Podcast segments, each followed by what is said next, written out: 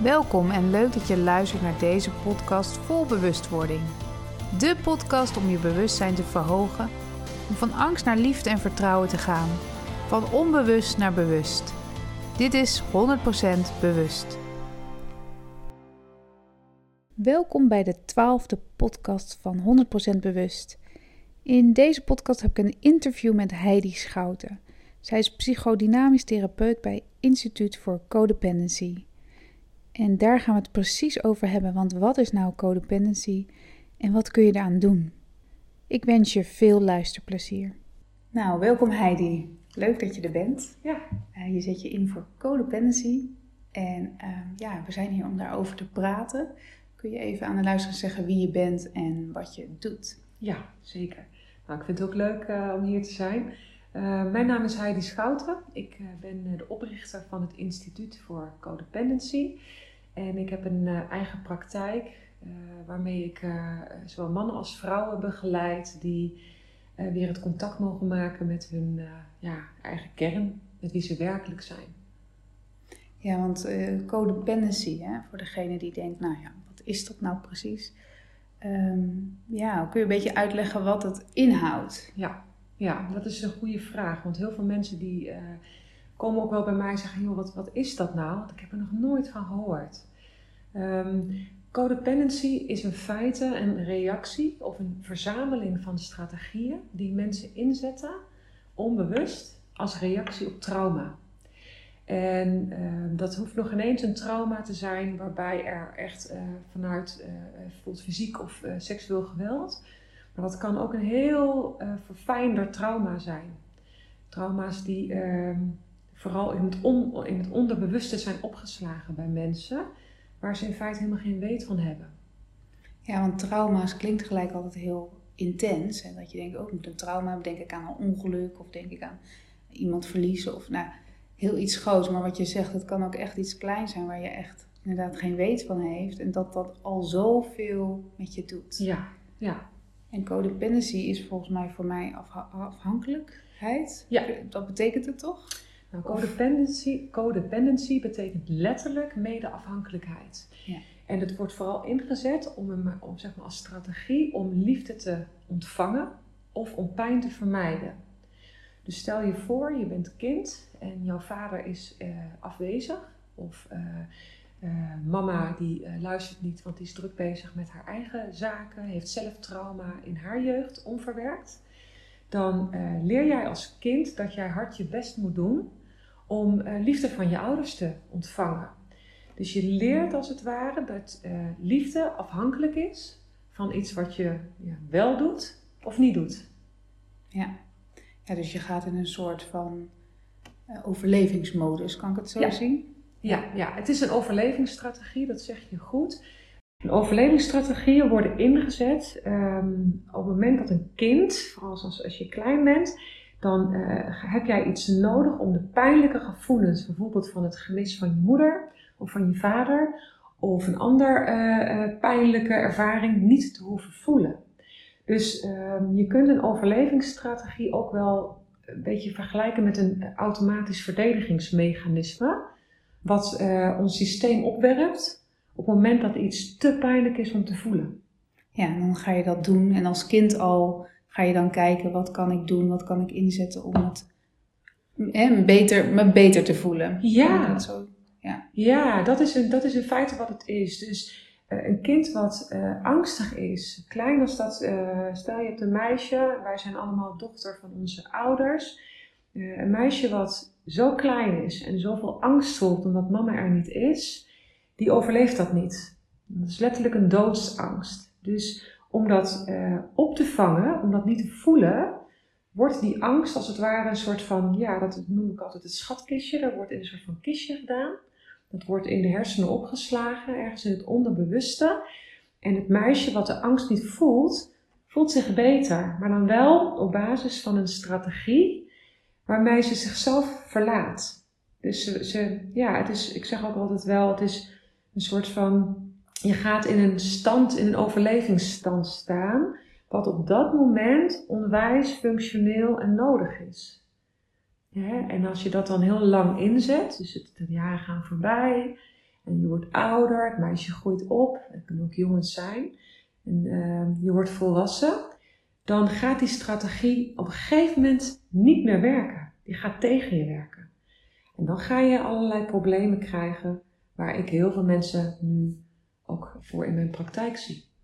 Oké, en wat voor problemen zijn dat bijvoorbeeld? Nou, um, dit kunnen uh, allerlei problemen zijn. Dit is, wat ik onderscheid zijn een aantal zaken, wat ik me daar specifiek op richt vanuit op mijn eigen uh, ervaringsdeskundigheid, is dat zijn de problemen bijvoorbeeld in uh, intieme relaties. Um, mensen, mannen en vrouwen die emotioneel onbeschikbare partners aantrekken. Dus die in hun relaties ook nu wederom weer hard aan het werken zijn om de liefde oftewel in stand te houden of pijn te vermijden. En dat die relaties die kenmerken zich door bijvoorbeeld hele hoge pieken en hele diepe dalen. Nou, dus dat, is een, dat noem je ook wel relatieverslaving. En dat vind ik een beetje een, ja, een, beetje een gek woord. Maar um, relatieverslaving betekent niet dat je verslaafd bent aan relaties. Maar wel dat je dus telkens in relaties terechtkomt waarbij je net niet de liefde krijgt die je wel wilt. Dus dat is enerzijds, nou, wat, wat zien we daarin nog meer? Dus mensen met bindingsangst. Hè, dat is een hele lastige vaak, want ik heb geen bindingsangst. Verlatingsangst, ja. vaak of de partner is, dan is het, je wisselt ook wel eens een rol. Um, wat we veel ook zien, wat ik veel zie in mijn praktijk, zijn mensen die dus ook uh, bijvoorbeeld heel erg please gedrag kunnen vertonen. Dus die altijd gewend zijn om voor anderen te zorgen. Um, perfectionisme hoort daarbij, is ook een, ja. ook een kenmerk. En de grootste gemeenschappelijke deler die ik vooral zie met mensen die codependent gedrag inzetten, is dat zijn mensen die vooral heel goed voelen en heel goed kunnen afstemmen op wat de ander voelt. Wat de partner voelt, wat de ander nodig heeft, wat de ander denkt. En die afstemming op anderen, het woord zegt het eigenlijk al, als je afstemt op de ander, dan stem je niet af op jezelf.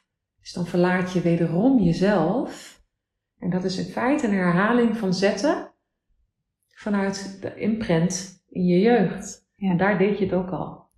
En ja. uiteindelijk kan ik me voorstellen, ik herken het ook heel erg.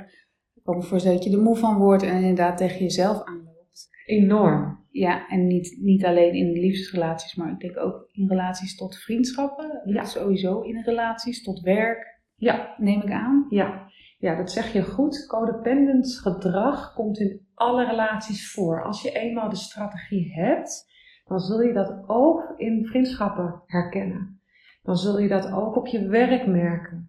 Bijvoorbeeld waarin jij, um, uh, ik noem even een voorbeeld, een relatie met een leidinggevende. Bijvoorbeeld, jij hebt een baas die jou onbewust doet denken aan je vader. Even een heel simpel voorbeeld. Hebben we niet door, maar dan kan het zijn dat die relatie met je leidinggevende onbewust een knopje aanraakt, waardoor jij weer het trauma als het ware herbeleeft van vroeger. Waardoor je in die relatie ook met je baas kunt vastlopen. Ja. En zo blijft dat in relaties terugkomen. Um, ik hoorde jou ook zeggen dat je, uh, ik hoorde je het woord vermoeidheid noemen. Ja, dit is in, immens vermoeiend en uitputtend. Dus veel van mijn cliënten komen ook bij mij omdat die vastlopen in zichzelf. In uh, overspannenheid. Uh, zelfs burn-out raken omdat ze zich zo hebben aangepast. Zo ongemerkt bij zichzelf zijn weggegaan al die jaren. Ja, ik, ik zit mee te luisteren met jou en uh, supergoed verhaal. Maar waar ik nu aan denk, ik denk, ja, dit herken ik. En ik denk dat heel veel luisteraars met mij dit ook herkennen. Ik denk, is het niet altijd zo dat als je ergens opgroeit, dat er altijd wel trauma's ontstaan?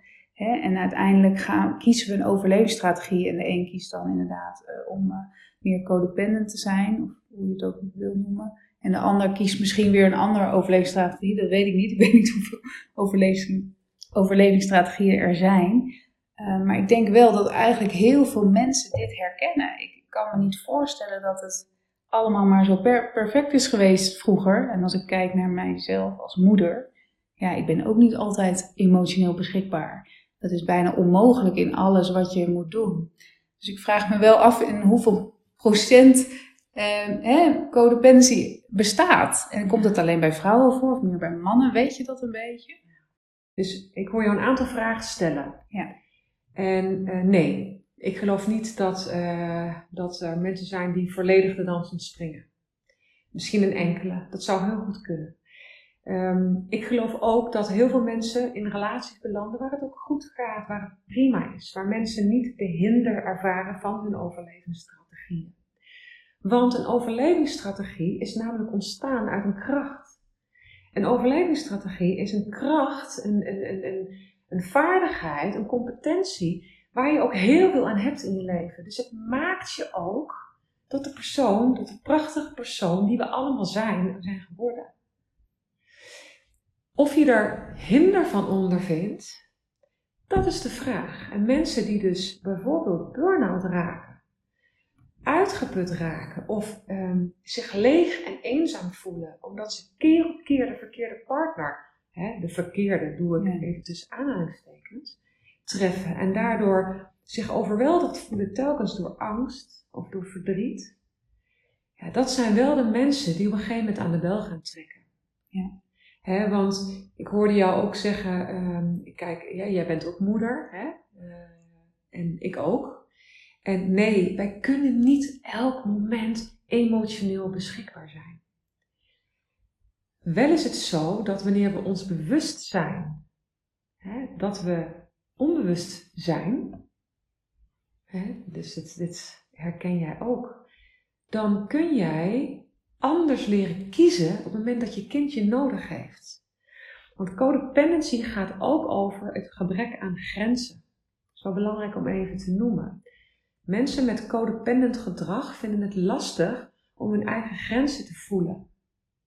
Ja, ik zeg dan ook vaak om je ruimte niet in te nemen. Ja. Dat voelt voor mij altijd wat fijner, want je grenzen stellen is ook zo afgebakend. En je ruimte innemen voelt voor mij dan altijd wat wijdser. En dat is ook wel wat ik, ik doe healings, wat ik vaak zie, dat mensen inderdaad niet hun ruimte innemen. En de ander wel de ruimte in laat nemen, zeg maar. Nou, exact. Ja, dat zeg je heel mooi. Ehm, dit is precies wat ik bedoel. Want wanneer jij je ruimte in laat nemen, omdat je vroeger nooit geleerd hebt hoe jij op jouw eigen sensaties in je lichaam mag vertrouwen, omdat je ouders bijvoorbeeld er emotioneel niet voor je waren, dan is het ook heel erg gemakkelijk om ook als volwassene die gevoelens te negeren. door een partner bijvoorbeeld of een kind jouw ruimte te laten innemen. En dan nog zien we dat wanneer we in die relaties in ons volwassen leven zitten, dat we wederom onze ruimte opgeven, onbewust, voor die ander. Ja. En dat kan een tal van klachten veroorzaken. dus je denkt dan aan bijvoorbeeld uh, chronische spierspanning, uh, hormoonhuishouding die ontregeld wordt, onregel blijft. Zenuwstelsel die uh, op, een manier niet meer normaal reguleert. Uh, emoties die je niet meer zelfstandig goed kunt reguleren. Dus uh, allemaal omdat jij dus eigenlijk weer teruggaat in de tijd en weer in jouw ruimte weer eigenlijk dat kind wordt wat toen al geleerd heeft dat ze zijn of haar ruimte niet mocht innemen. Prachtig hoe je dat vertelt. Ik zit tegelijk te denken van, maar hoe ben jij hierop gekomen dat je juist hiervoor wil inzetten? Deze mensen wil helpen. Uh, hoe ben ik hierop gekomen? Um, zelf, um, nou, ik ben ervaringsdeskundig.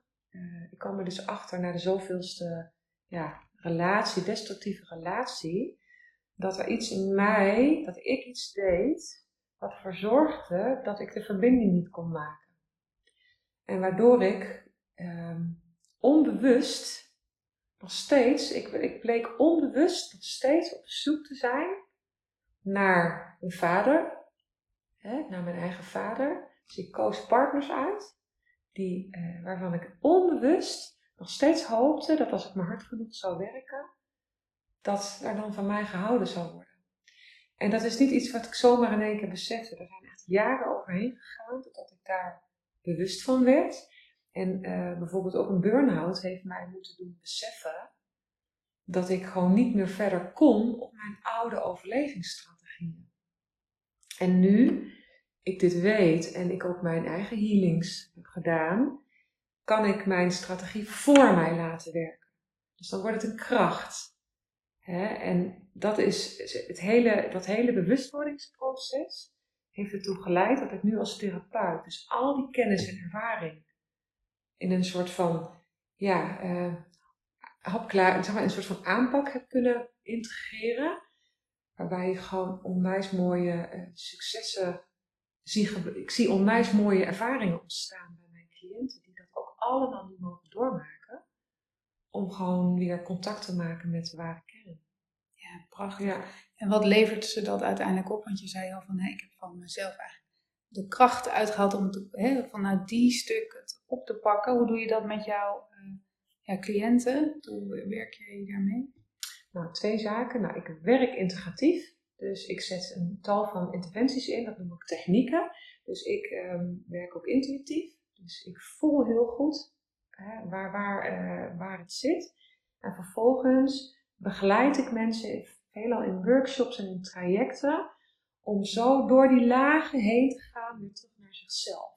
Nou, wat krijg je dan? Dat is dan het begin van jouw vraag, geloof ik. Nou, wat levert het met de mensen op? Ja, ik kan alleen maar spreken uit eigen ervaring. Heel veel rust, ehm, eh, ruimte, ehm, tevredenheid. Dus uh, je mag het zoeken eigenlijk gaan staken. Um, ja, en je kunt je dus gaan verbinden in gezonde relaties. Dus die partner waar, waar, je, waar je zo lang naar op zoek was. Ja. Ja, ik, ik herken dat wel hoor. Want bij de healings, ik doe niet specifiek uh, codependentie, maar hè, algemene healings. Maar ik kom dit wel heel vaak tegen. En wat ik uh, daarin merk, je hebt zeg maar A-relaties. Dat is afhankelijkheidsrelatie. Of een H-relatie, zo noem je dat. En een H-relatie betekent, hè, je, je ziet al hoe de H eruit ziet. Dat je gewoon op jezelf staat, je weet wat je wil, je weet wat je behoeftes zijn. Je verbindt je dus met jezelf, ja. maar je verbindt je ook met de ander. Zonder jezelf te verliezen. En als je een A hebt, hè, dan twee pootjes tegen elkaar aan, is dat als de ene zeg maar omvalt, valt de ander ook om. En dat, en dat zo zie ik dat, hè. Dan, dan is het een afhankelijkheidsrelatie. En ja, je wil volgens mij, en dat is ook het fijnst om te hebben, wil je zo'n H-relatie. Ja. Maar dat is best wel intensief. Tenminste, ik herken heel veel wat je zegt. Ik ben ook echt wel zo'n codependency, codependent geweest. En nog steeds wel een beetje. En ik heb ook echt wel daar in mijn weg uh, te bewandelen. Ja. En um, ja, ik ben vooral bezig met mezelf te verbinden. En dat is ook wat ik met die healings doe. Hè? Dat je met jezelf verbindt. En als ik jou zo hoor, is dat eigenlijk ook wat jij doet. Hè? Dat ja. ze weer bij zichzelf terugkomen dat is, je slaat hem eigenlijk helemaal plat. Want dit is waar het over gaat. Oké, nee, maar dit oké. Nou, dit is, dit is inderdaad waar het over gaat. Um, een gezonde relatie ontstaat wanneer jij vanuit autonomie, vanuit zelfstandigheid kunt verbinden, kunt uitreiken naar de ander. Alleen wat wordt vaak verward, mensen met bindingsangst, die verwarren vaak hun zelfstandigheid, hun behoefte om alleen te zijn, om zichzelf te zijn en ik doe het wel alleen, geen hulp nodig, hè, met autonomie. Maar het gaat er juist om dat jij leert um, vanuit de zelfstandigheid en vanuit jouw authentieke zelf, dat jij durft en gaat uitreiken naar die ander. En ik doe nou eventjes bij de hand uitreiken.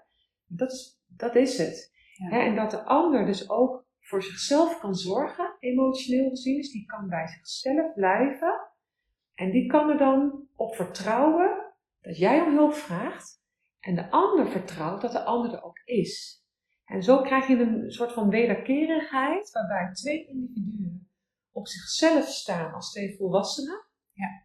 Hè, waarbij er een H-verbinding ontstaat, heel mooi, in plaats van de A. En de A-verbinding, dat is die afhankelijkheid waar jij het over dat zijn vaak de relaties waarbij de ene partner vaak nog in het kindstuk schiet.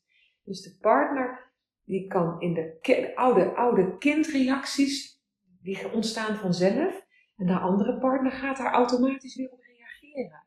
Ja. En dat wisselt. Hè? Dus dat kan de ene keer zijn dat de ene in het kind zit en de andere in de ouderrol. Daar kunnen we nog maar een keer een podcast over maken. Want er zijn heel veel rollen die wij aannemen. Merk ik ook als vrouw zijn, dat we als vrouw heel veel rollen aannemen. Ehm, maar waar het even om gaat, is dat we dus ook wisselen.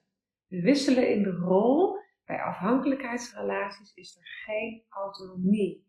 dus we hangen nog te veel op elkaar. Ja. En uh, belangrijk om te noemen nog, bij codependency zijn we voornamelijk aan het reageren.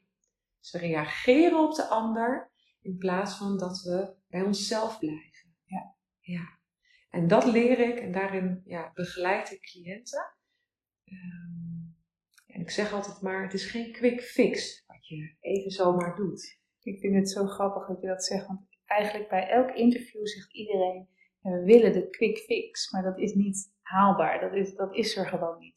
En het grappige is dat iedereen dat ook zegt, maar we willen het inderdaad wel. We willen snel. Maar uh, het is een reis, en dat zeg ik steeds in mijn uh, podcast. Het is een reis die je aangaat en wat op je pad komt, dat komt op je pad. Maar het is niet in één keer allemaal omgekeerd en anders. En je bent opeens daar waar je wil zijn. Nee, exact. Nee, nee en dat is ook uh, daarbij ook meteen een aanvulling. Um, veel voelen ook weerstand van, oh, hè, het is een reis. Maar laat je niet ontmoedigen, want het is juist die reis. Als je hem maakt, dan ga je hem doen en dan ga je echt door je stukken heen. En aan het einde van, nou ja, het is geen einde, maar daar, daar ga je in een soort van proces. Je, je, je haalt jezelf door zo'n proces heen. Ja. Maar je gaat merken dat je lichter gaat ja, precies. Je bevrijdt je steeds meer. Stap voor stap. Ja. Ja, ja. En of, dat, of de hele bevrijding in dit leven en de verlichting komt, dat weten we natuurlijk niet. Maar uh, je bevrijdt je steeds meer. Je ja. bevrijdt je meer en het is elke keer weer inchecken bij jezelf. Nou, super mooi uh, Heidi, waar we het nu al over hebben. En ik denk dat heel veel luisteraars zich hierin herkennen. Mm. Uh, maar misschien wil je nog even goed samenvatten hoe de luisteraars echt kunt herkennen of ze codependent zijn of niet. Ja. En wat ze daar misschien eventueel aan kunnen doen. Ja, ja. nee, dat is een hele goede vraag. Ik ga een aantal zaken opnoemen waaraan je codependency inderdaad kunt herkennen. En het zal voor iedereen, de ene herkent ze alle tien en de ander herkent er zeven, maar het is voel en vooral voel voor jezelf dat het klopt. Nou, wat ik vooral zie bij mensen is dat codependent gedrag um, maakt dat je um, uh, vaak bezig bent met de ander. Dus je denkt vanuit de ander. Je bent bezig wat die ander denkt, voelt en hoe die ander het ziet.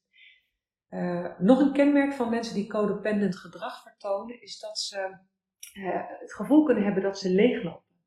Het gevoel dat ze overprikkeld kunnen raken. dus je kent dat misschien wel, dat wanneer je in een gesprek bent geweest met iemand, die heeft heel hard gewerkt, heb je niet door, maar uiteindelijk ben je leeg, ben je uitgeput. Nou, um, wanneer je het lastig vindt om grenzen echt daadwerkelijk te voelen en te stellen, hele belangrijke. Dus wanneer je merkt dat er anderen over je grenzen gaan, dat je daar eens denkt van, hé, heb ik dit nou echt gedaan?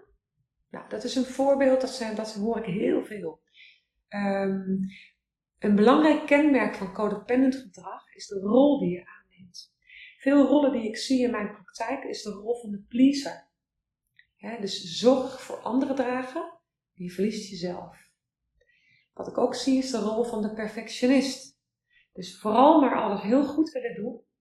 En het is bij die twee belangrijk dat je weet dat je in feite je best doet, je zorgt om te voorkomen dat anderen bij je weggaan. Of dat anderen je afwijzen. Dus een belangrijk kenmerk van codependent gedrag is de angst voor afwijzing. Of de angst voor verlating. Dus onbewust zet jij dus rollen in om te voorkomen dat je pijn gedaan wordt dat je niet goed genoeg bent. En wat ik ook vaak zie zijn hele krachtige mannen en vrouwen die bij mij komen, die zeggen nou, ik ben echt wel goed genoeg. Als ik dan ga invoelen en intunen, we gaan starten met zo'n traject, dan komen we op die kern en dan is het inderdaad de overtuiging, ik ben niet goed genoeg. Ik ben bang voor afwijzing. Ja. Heel belangrijk kenmerk. Nou, ik heb grenzen al even genoemd, eh, over prikkeling. Veel zien we ook de HSP terugkomen overgevoeligheid, zoals veel mensen dat vinden. Het is een prachtige eigenschap. Maar ik zie HSP zijnde ook wel als een overlevingsstrategie. Ja, ja zo zie ik dat ook. Ja. een beetje met trauma in de jeugd. En HSP is ook een, eigenlijk een overlevingsstuk. Ja, Want als je HSP bent, dan voel je anderen heel goed. Dan kun je heel goed voelen wat de ander nodig heeft. Ja. Maar wat je doet, je gaat weg bij jezelf. Want daar lijkt de veiligheid te zitten, bij de ander. Want je moet afstemmen. Maar de veiligheid zit in jou. En als we daar weggaan, dan is dat in feite een paradox. Dus HSP-mensen, dus hooggevoeligheid, is een prachtig element, is een prachtige gave, zou ik bijna zeggen. Maar kan voor veel mensen nog als een vloek voelen, omdat ze daarop juist leeglopen vanwege de afstemming op de ander. Ja. Dus dat is echt heel belangrijk om dat te gaan doorzien. Nou, en dat is een tal van kenmerken. Nou, ik zie ook nog wel dat uh, samenvattend, dat is burn-out. Mensen die burn-out raken, ga terug, ga kijken, ga checken. In hoeverre ben je bang om mensen kwijt te raken? Bindingsangst, verlatingsangst en relatieverslavingen. Dus dat zie ik ook als, als laatste toevoeging heel veel terugkomen als gevolg van al jaren onbewust codependent gedrag. Ja, nou, dat zijn heel veel kenmerken al. En ik denk dat, uh, dat veel mensen daar zich dan in kunnen herkennen. Maar stel dat ze jou nu horen en denken, jee, nou, ik heb er echt wel uh, een stuk of vijf of zes. Wat moet ik nu doen? Wat kan ik doen? Heb je eventueel tips of heb je Ja. iets waar ze mee verder kunnen? Ja, absoluut. Nou, allereerst uh, kan ik tegen al die mensen zeggen, dat als je dit woord en je herkent het, en dat je je beseft van, ah, er is dus echt helemaal niks mis met mij. Dus al die jaren van hard werken, al die jaren van verwarring, oké, check, er is niks mis, nooit geweest. Dus dat is een heel belangrijk iets wat ik iedereen wil meegeven. Stap 2 is erkennen. Erkennen gaat over dat je erkent wat je voelt, wat je werkelijk nu voelt. Al is het verwarring, al is het angst, al is het verdriet of boosheid. Het mag er allemaal zijn. En de erkenning is in feite de sleutel ook naar de vraag om hulp. Want jij bent belangrijk. Het gaat in het leven over jou. En op het moment dat het met jou goed gaat, en jij komt weer terug bij jezelf, dan kun jij ook jou in liefdevolle verbinding stellen met anderen. Dan kun je er voor je kinderen zijn. Want we zijn allemaal zo zorgzaam en gevoelig. Dan kun je er echt zijn. Dan kun je er voor je partner zijn en andersom. En dan, ja, komt daar eindelijk, ja, dan komt er rust. Ja. Ja, en dat is, uh, ja, gun ik iedereen. Ja, super mooi, Heidi. Ik zit wel te denken van, oké, dit zijn dan stappen die ze kunnen zetten. Maar als het, hè, soms is er echt wel hulp nodig. Hè? Net zoals wat jij doet, net zoals wat ik doe. Om net even meer die stappen te zetten. Als ik naar mijn eigen weg kijk, en misschien jij ook, heb ik echt gewoon een weg afgelegd om te komen waar ik nu ben. In de vrijheid die ik nu ervaar. Ja. Dus um, mochten ze eventueel meer hulp uh, willen hebben, kunnen ze dan op jouw website kijken. Of wat raad je aan? Ja, nou zeker. Um, nou, wat ik, wat ik uh, mooi vind om toch te benoemen, mensen die codependent gedrag vertonen, doen het vaak ook liever allemaal alleen. Hè, dus de uitnodiging hier is, vraag om hulp. Want alleen als jij, ja, het is ook weer een oefening in uitreiken naar de ander. Vraag om hulp, stoon je kwetsbaarheid, want je bent niet alleen. Nou, op mijn website um, kun je uh, uh, hulp vinden. Individueel geef ik therapiesessies. Um, ik begeleid vrouwen in workshops. Dat is prachtig om te doen. Mooi, groepsdynamiek. Uh, we maken dan samen de reis, dus uh, heel leuk. En uh, ik werk heel veel in trajecten. En in trajectbegeleiding is prachtig, omdat je dan echt op een hele intensieve manier, met individuele aandacht, gewoon door die patronen heen gaat. Je gaat er echt doorheen. En dat ja, is, een, is cadeau die je gewoon mag, gunnen. Ja, super. En waar kunnen ze jou vinden? Op welke website? Um, de website is www.instituutvoorcodependency.nl uh, en daar vind je uh, alles over wie ik ook ben en uh, wat ik doe. Bedankt Heidi dat je er was. Super mooi interview en ik wens je een hele fijne dag. Ja, nou dankjewel jij ook. En dat, jij, dat ik hier met jou dit mocht doen. Heel leuk. Graag gedaan. Oké, okay, succes. Bedankt voor het luisteren naar deze podcast. Leuk dat je erbij was. Wil je nog meer weten over persoonlijke groei? Kijk dan even op mijn website mirandabeuk.nl. Vond je deze podcast inspirerend? Geef dan een leuke review en abonneer of volg deze podcast zodat je niks kunt missen om van angst naar liefde en vertrouwen te gaan. Heb jij nu zelf een situatie waar je in vastloopt? Stel je vraag dan via mijn website bij De Bewuste Vraag. En ik zal deze zo snel mogelijk voor jou gratis beantwoorden. Bedankt voor het luisteren.